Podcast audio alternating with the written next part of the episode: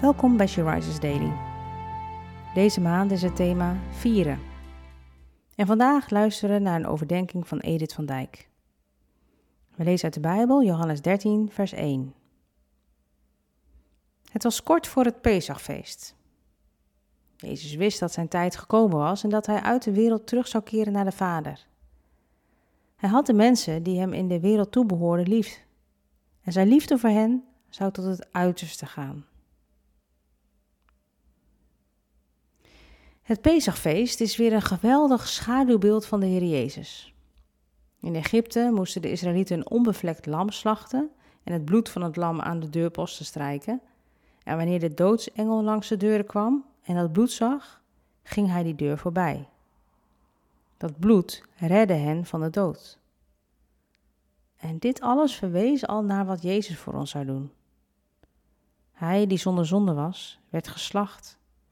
En zijn bloed heeft ons eeuwige redding geschonken. En dit alles gebeurde ook nog eens tijdens de viering van dit feest. Wat een vervulling.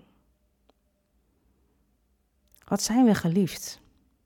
Een overweldigende liefde, die ons verstand te boven gaat. Jezus heeft zijn leven voor ons gegeven door de wil van zijn Vader te doen, die ons zo innig lief heeft.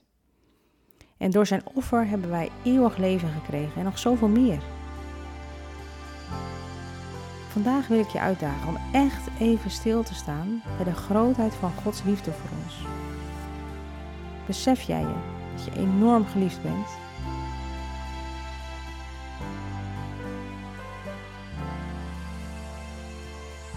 Laten we Hem danken. Dank u Jezus voor uw onbetaalbare offer voor ons. En dank u dat u ons zo lief heeft en u voor ons tot het uiterste wil gaan. Help ons te blijven beseffen hoe groot het wonder is wat u heeft gedaan. Amen.